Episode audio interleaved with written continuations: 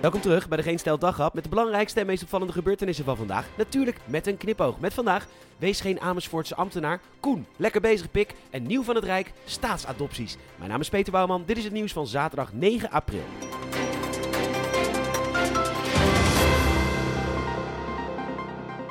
Laten we het weer eens hebben over de ambtenaren van de gemeente Amersfoort. Tijdens de Roons hadden die natuurlijk geen flikker te doen, maar alsnog vonden ze het te druk en dus stuurden ze iedereen die een paspoort wilde naar de marechaussee op Schiphol voor een noodpaspoort.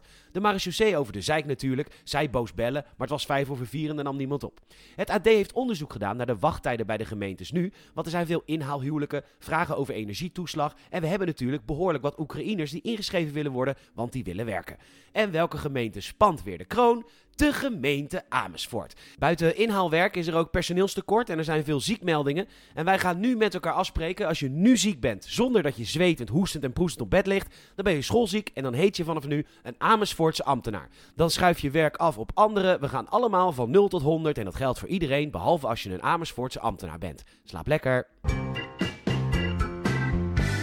Koen is lekker bezig, want Koen wil Mexico veroveren met zijn zaak Holland Waffles of Holland Wafels of Holland Waffles. Amroep Brabant schrijft erover en Koen is al lekker bezig in Mexico-stad. En dan vraag je je natuurlijk af, waarom ga je in Mexico toeven met je stroopwafels, poffertjes en patat? Want dat is toch helemaal niet lekker frituren.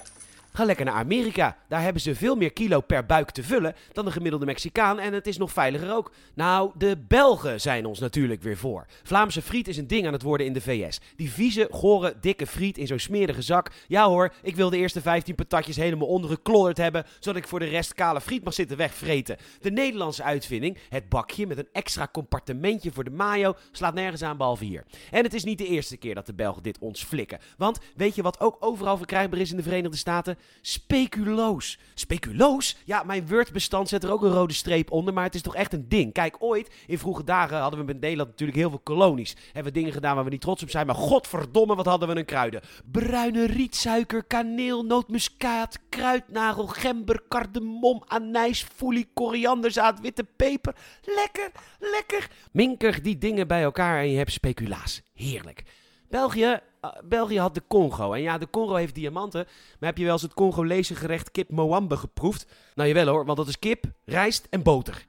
Lang vooral lang, speculoos is dus hetzelfde als speculaas, maar dan zonder al die heerlijke kruiden. Het is in feite bloem, suiker en soms, heel soms, een heel klein beetje kaneel, gekke Belgen. En die troep is dus overal te krijgen in Amerika. Dus Koen, goed dat je naar Mexico bent gegaan, want daar hebben ze tussen de schietpartijen door wel gewoon smaak.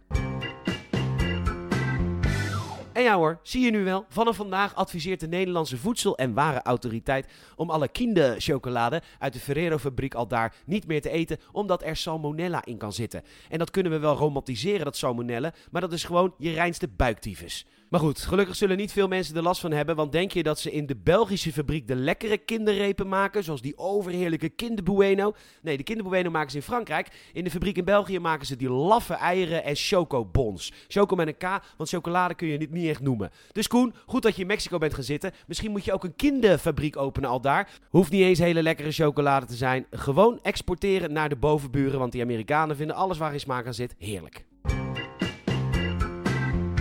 Binnenkort mogen mensen weer kinderen adopteren. Er waren misstanden en dat gaat nu allemaal opgelost worden. De overheid gaat de adopties regelen. Ze hebben de afgelopen jaren al flink voorbereid door al heel wat kinderen uit toeslagenzinnen te plaatsen. Dus er is al een voorraadje kinderen aangelegd. Regeren is vooruitzien. Bedankt voor het luisteren. Je zou ons enorm helpen als je een vriend of vriendin of familielid vertelt over deze podcast mond-tot-mond reclame. Je kan een Apple Podcast review achterlaten en dat kan ook in Spotify. Vijf sterren alsjeblieft. En je kan ook volgen via je vriend van de show. Nogmaals bedankt voor het luisteren en tot morgen.